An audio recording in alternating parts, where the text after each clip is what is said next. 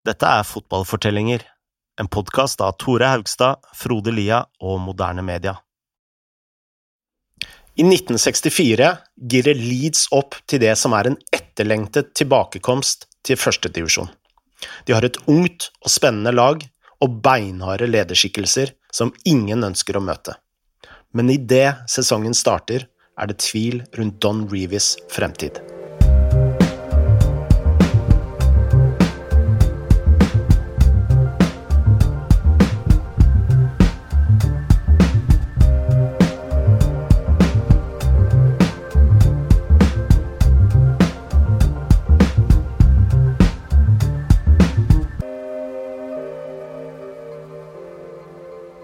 Da Leeds eh, hadde tatt seieren mot eh, Swansea, som hadde sikret opprykket, hadde Reynolds eh, gitt Reevy en ny kontrakt i garderoben.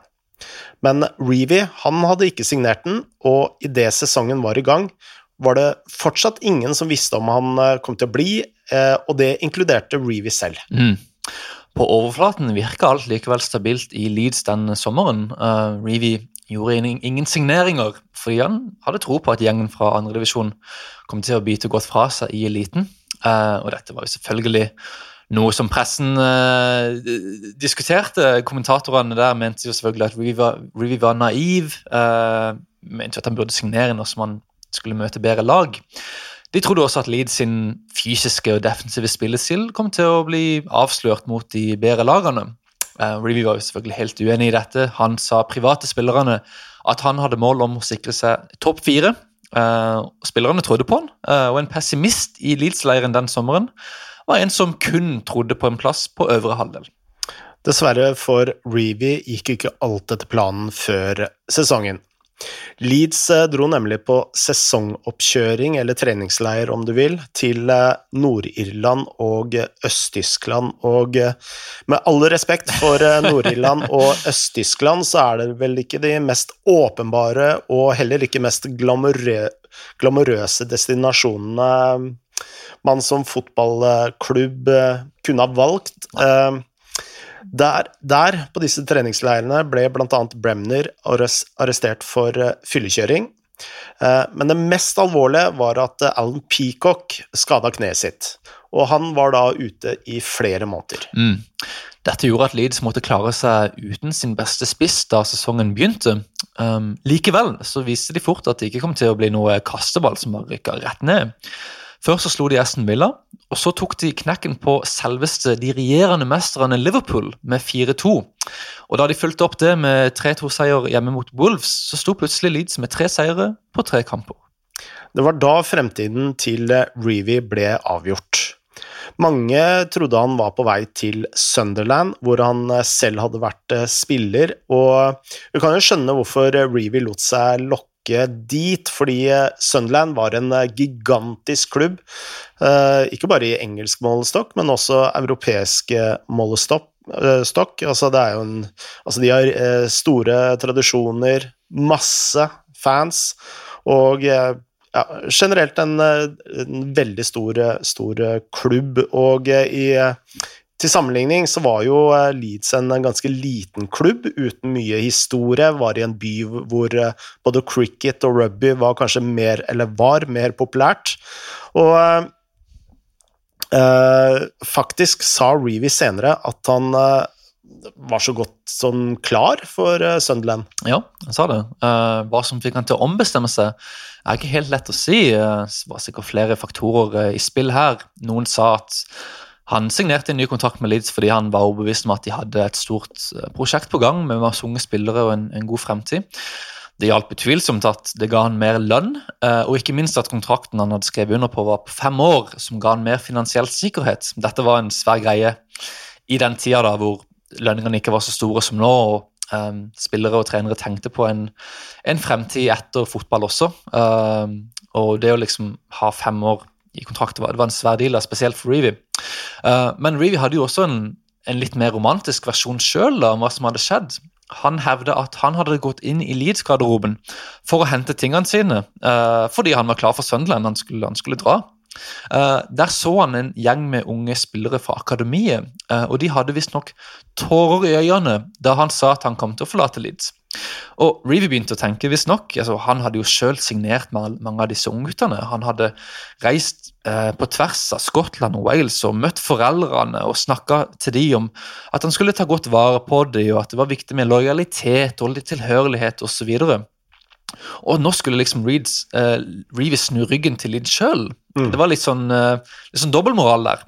Eh, så Reevy tenkte da de har vært lojale mot deg, nå er det opp til deg å vise den samme lojaliteten til de. Nå som Reevy hadde signert ny kontrakt, kunne Leeds konsentrere seg fullt om kampene og resultatene. Men uh, utenfor klubben hadde den uh, nasjonale pressen fokus uh, på noe helt annet, og kanskje det som Leeds skulle bli veldig kjent for senere. I løpet av opprykkssesongen hadde Leeds fått nemlig et rykte på seg som et aggressivt, skittent og kynisk lag, og det er vel her uttrykket 'dirty Leeds' begynner å gjøre seg gjeldende for aller første gang. Og dette inntrykket ble enda sterkere når de eh, da hadde rykka opp til eh, toppdivisjonen. Og anklagene er egentlig et helt leksikon i eh, triks og fanteri som gjør lag veldig upopulære. Og Leeds ble rett og slett kjent for grisetaklinger, provokasjoner, filming, etterslengere, sløsing av tid, defensiv fotball kjefting på dommere osv. Hele greia. Uh, og selvfølgelig, det var jo ingen tvil om at uh, Reevy ville at spillerne skulle gå inn hardt i taklingene. Han tolererte ikke noe PlayStation-fotball, for å si det sånn. det hadde spillerne funnet ut sesongen før, når de i andredivisjon. Uh, I oktober jeg tror det var i oktober den sesongen så hadde de spilt så bra da at de hadde begynt å bli arrogante mm. i en kamp mot Derby. de hadde begynt kampen med hælspark og klakker osv. Og, så og, og dette var jo en, en, stil som Leeds ikke pleide å ha. Uh, og de ble jo uh, fikk jo betalt De fikk straff for det da ved å ligge under 2-0 til pause, og visstnok så kunne det vært mye mer. I garderoben i uh, pausen da, så var Reeves så sint at han nærmest hoppa opp og ned. og Han slo neven i døra og spurte spillerne hva er denne pinglefotballen for noe. Jeg vil ha Leeds United-fotball. Uh, og Det var selvfølgelig en, en, helt annen greie, og, og spillerne skjønte den beskjeden. Mm. De slo tilbake og fikk med seg 2-2 fra den kampen. Nå som eh, de var i førstedivisjon, gjorde de ikke samme tabben igjen. Uh, og uh, George Best skal visstnok ha satt, sagt at eneste gangen han trengte å bruke leggbeskyttere, var mot Leeds. Og selv Bremner innrømmet at ryktet som Dirty Leeds var vel fortjent. Men uh, hvorfor ville Reevy at de skulle spille den type fotball? La oss høre fra Rob Bagshi. One of the most influential things on Reevy, particularly, who had been a, you know, himself, rather like George Graham, had, had, had been a, a uh, had been a, an elegant footballer, you know, someone who didn't do his defensive duties, someone who, who you know, was a playmaker, and as soon as they became a manager, they became fixated on on, on making sure that the de- defense was the foundation of of of everything that they did. Um, he believed certainly that that you know he had certain principles. He believed that passing was more important than dribbling. He he, he believed that you know as soon as you you're out of possession that you have to get into position.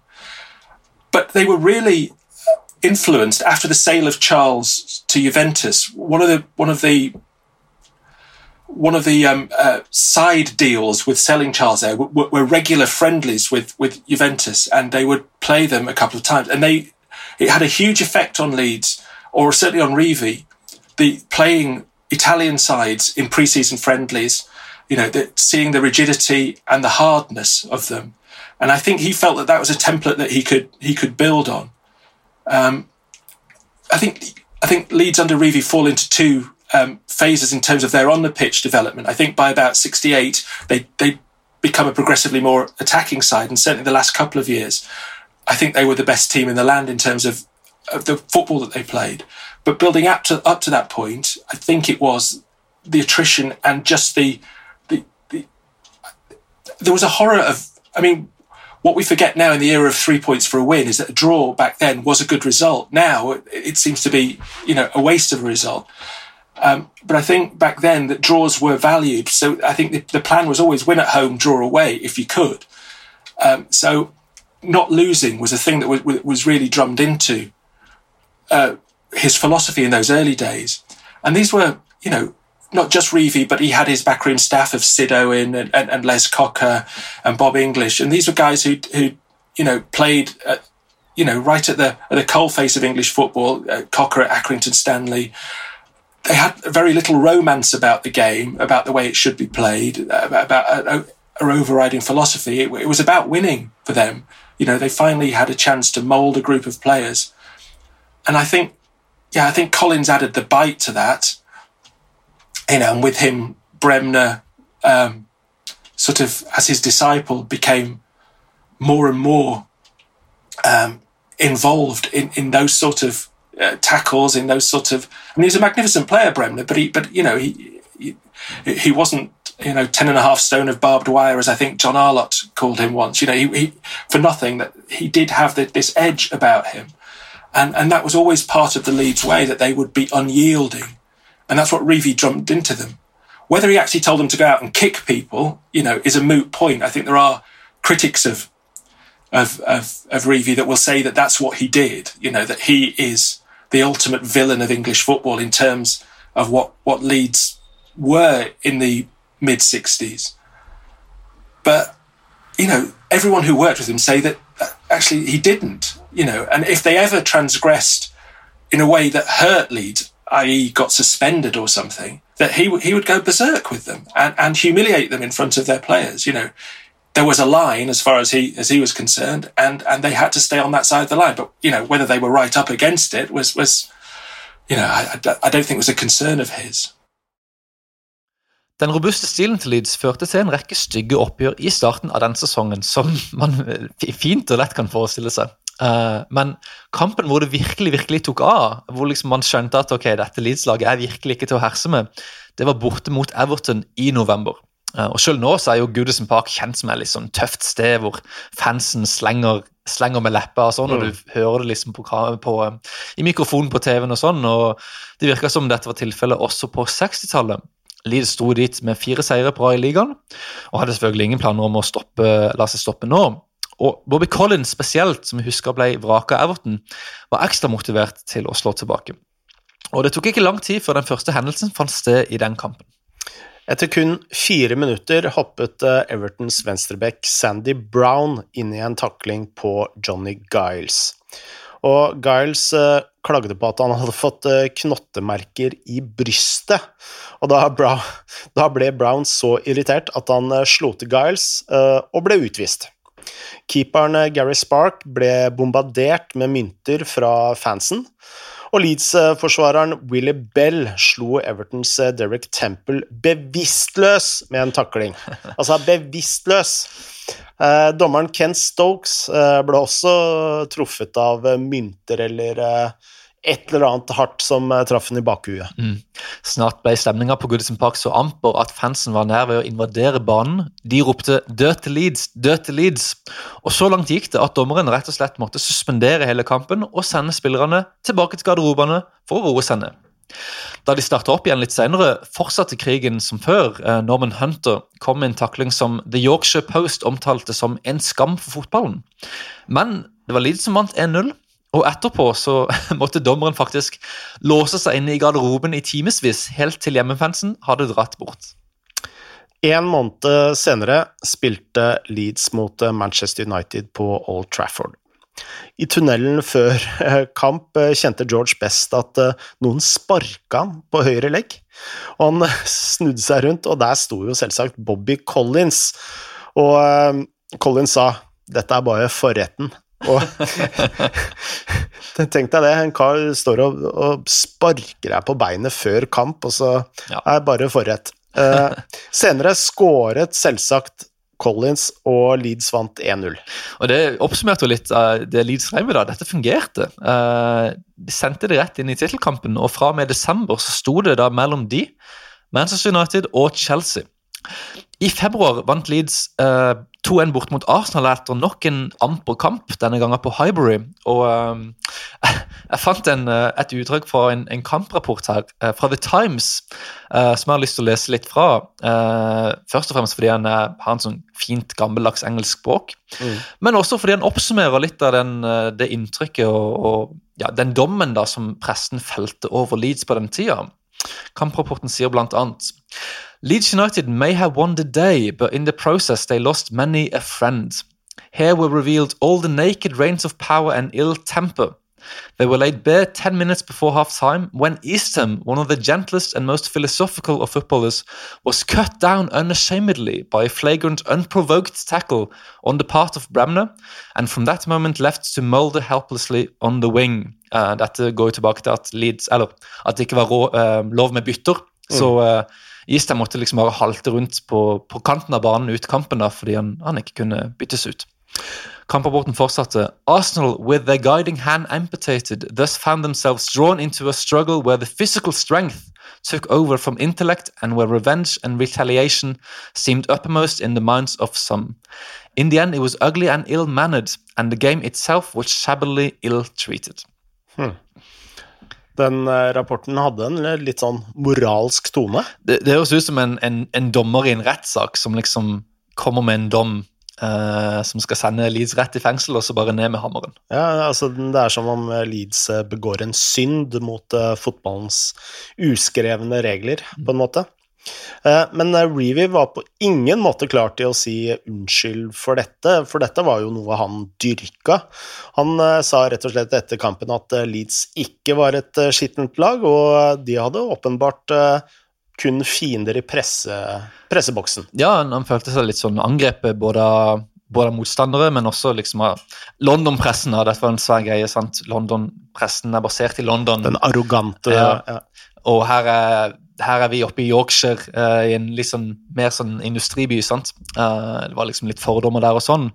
Uh, men for å forsvare Reeve litt her, da, så var det jo ikke sånn at det kun var Leeds som spilte den type fotballen. Altså, Du har jo f.eks. kampen mot Crystal Palace den sesongen, hvor Palace prøvde å slå tilbake med, med samme mynt som, som den Reeve brukte. Ja, før kampen skal eh, Palace-trener Dick Graham Graham, Graham. er kanskje mer riktig, uh, har vist en film av uh, en av Leeds sine nylige kamper. Så sa han det der er det tøffeste laget i Storbritannia. Men ikke i kveld. I kveld kommer dere til å være det tøffeste laget i Storbritannia. Hvis én av dere trekker dere i en takling, kommer dere aldri til å spille for denne klubben igjen. Altså så fantes det lag som, som, prøvde å matche og kanskje til og med overgå Leeds på denne fysiske, litt sånn kyniske biten. Så vi spurte Rob Bagchi hvorfor var det akkurat Leeds som ble hetsa så mye for, for sin spillestil. Reevy would always claim, and I think there's some truth in it, that uh, something that happened just before they, uh, well, they had been promoted, but they had the, their first season in the top flight hadn't hadn't begun. The FA published a report saying that Leeds were uh, the team that had tr- transgressed the most uh, the previous season, and hence dirty Leeds. Uh, they were seen as dirty Leeds. But when you actually, and as Reevy protested, when you when you actually went through the the way that they had calculated it, it wasn't the team that was dirty, it was the club. Now, I know that does sounds like nitpicking, but Leeds had not had a player sent off that season, whereas uh, the first team had not had a player sent off that season, whereas Manchester United had had three players sent off. What Leeds' problem was that there was indiscipline throughout the ranks in, in the reserve team, in what was then the third team called the A team, and in the youth team. And they had picked up a lot of cautions and bookings. So Leeds as a club were seen as the dirty. So it was almost as if he felt that they had gone in with a black mark against their name from the beginning. So it didn't take particularly long for everyone to pick up on this. And whenever a foul went in, it would be dirty leads. It wasn't just a one thing or the other. But also, I think you know we shouldn't forget how parochial the press was back then. The, the newspapers that that uh, the London newspapers would have northern um, reporters at most games. So a lot of Leeds reports would not appear in the London newspapers who would only, you know, it's not like it is today where every Premier League match report is in every newspaper. There would be three or four. So I think a lot of people hadn't seen Leeds, but had heard of them. And when they came to their town and saw them for the first time, I think there was almost a, a belief there or, or a, a preconception there that they were going to be filthy. So everything sort of built towards that picture. And there's no doubt that they, that they were, you know, you know, they were staggeringly good at gamesmanship. You know, they, they would, as you know, people did back then. They would manage to pick people up by, if they'd knocked somebody over, they'd pick them up, but manage to twist their nipple while they pulled them up. You know, and help. You know, you'd sort of be looking as though you were helping, but you did all as part of a, a general antagonism um, strategy. Really, um, that they would nip away at players they would hector referees and and and try and you know referee the game. Bremner became famous for constantly being on the referee's case, um, or should we say notorious for constantly being on the on, on the referee's case. So there was a there was a perception that Leeds were dirtier than they actually were. But when when the huge um, eruption of, of the so-called dirty Leeds thing happened at the game against Everton in, in late 1964, the so-called Battle of Goodison Park. And it was sparked by an Everton foul on a Leeds player and a punch thrown by an Everton player. It was the Everton crowd that went bananas, you know, literally in, in, in case of actually throwing fruit onto the pitch and pelting Leeds players. And, and it, it was the first time ever in English football that the referee had to take the players off the field and go on the, the loudspeaker system to tell the crowd to calm down or he would abandon the match. And like they were off for 15 minutes before they went back on, so high was the temperature. Um, and I know it probably sounds partisan to say so, but but it, it is also true that it was it was Everton who were fined, not Leeds, for what happened there. It, they were it was their player who was banned. It was it was them that were fined for failure to control their their crowd. I think what they had was a a very provocative style, um, but you know, it wasn't always the case that they initiated everything. I think certainly John Giles, Johnny Giles, is of the view that that you know a lot of clubs got their retaliation in first because they they they were convinced that, that if they didn't, that that you know they would be steamrolled and, and probably assaulted. It was it was like a a strange equation where where Leeds players will say that they were more sinned against than sinning, but their reputation attracted all this, you know, and in fact that, you know, and, you know, they, in their autobiographies, they will talk about the fouls that they were on the receiving end of. But there's a wonderful anecdote in, I think, Giles's book where, where he, he talks about, um, they're playing Chelsea in 1964 and Eddie McCreadie, um, goes straight through him and actually badly injures him. He's out for several weeks. And, uh, you know, several years later, well, actually, you know, the next time he gets the opportunity, they're down by the corner flag at Elland Road, and he sees that the referee's back's turned, and McCreadie is like trying to usher the ball towards the corner flag. And he goes straight through him and straight through his Achilles. And McCreadie said, "What, you know, what the hell was that for?" And he said to him, uh, "Stamford Bridge, 1964." And McCreadie says to him, "But it's 1972. You know, it's eight years it took for him to to exact his revenge, but but he did it. You know, and and that's the that's the way that they were. They had a, a, a I don't know, they, they had a, an ability to stick together. You know, this very much a family thing that Reevie fostered throughout the club made them, you know, it, it's Ferguson-esque in a way, you know, it's a precursor to Ferguson, that, that, that siege mentality, the world's against you, you know, we are a family, we will look after each other, we will look after our players' wives, we will look after our players' children, I mean, Reevie's genius is is in making Leeds United a family. Um, you know, it's making it something that they all bought into. That the club for him wasn't bricks and mortar. It wasn't the stands. It wasn't the ground. It wasn't geography. It was the people, and those people that mattered most were the players. And and that's why he backed them in public and he you know he'd love to take them off to hotels you know three or four days a week. He would take them away from their families just so he could get them together and you know they wouldn't be distracted um, and they would focus on the football. Um, so I, I, do think a bit of siege mentality probably probably slipped into it. Utover våren nådde Leeds eh, semifinalen i FA-cupen, hvor de møtte Manchester United. Det var en eh, grusom kamp, full av skrekktaklinger, og endte selvsagt 0-0, som alle grusomme kamper gjør. Eh, også omkampen var en eh, robust affære, men Bremner eh, skåret iallfall vinnermålet ett minutt før slutt. Og med det var Leeds i FA-cupfinalen.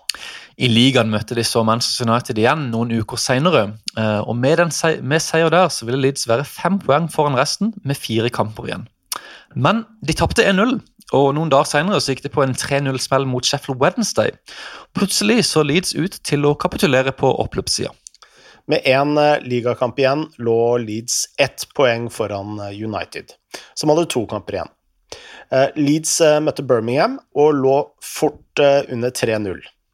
Så starta de et vanvittig comeback som tok dem tilbake til 3-3.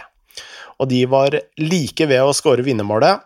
I stedet ble det poengdeling, noe som gjorde at Manchester United vant tittelen på målforskjell. Dette var jo et vanvittig surt eple for Review og bite i en sesong hvor de hadde ja, nyopprykka lag og tok nesten tittelen med i gang.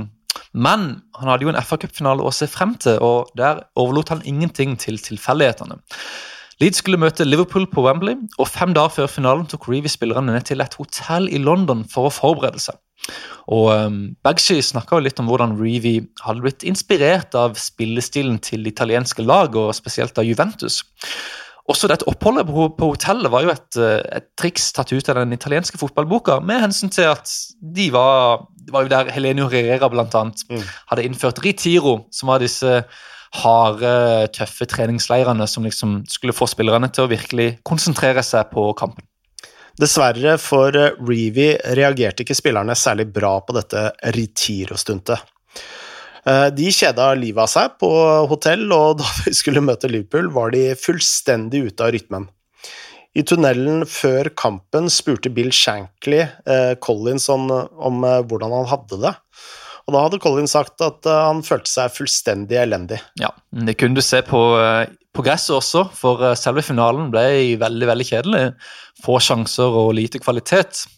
Det sto 0-0 til full tid, før Liverpool trakk det lengste strået i ekstraomgangene.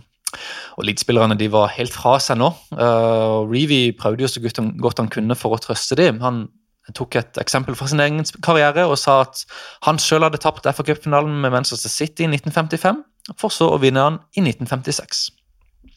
Uansett hva Reevy sa, så var det klart at Leeds hadde hatt en sterk, men veldig bitter sesong. De hadde slåss som løver, og likevel havnet på andreplass i de to største turneringene. Før den neste sesongen var Leeds bestemt på å ta ett trofé. Koste hva det koste ville.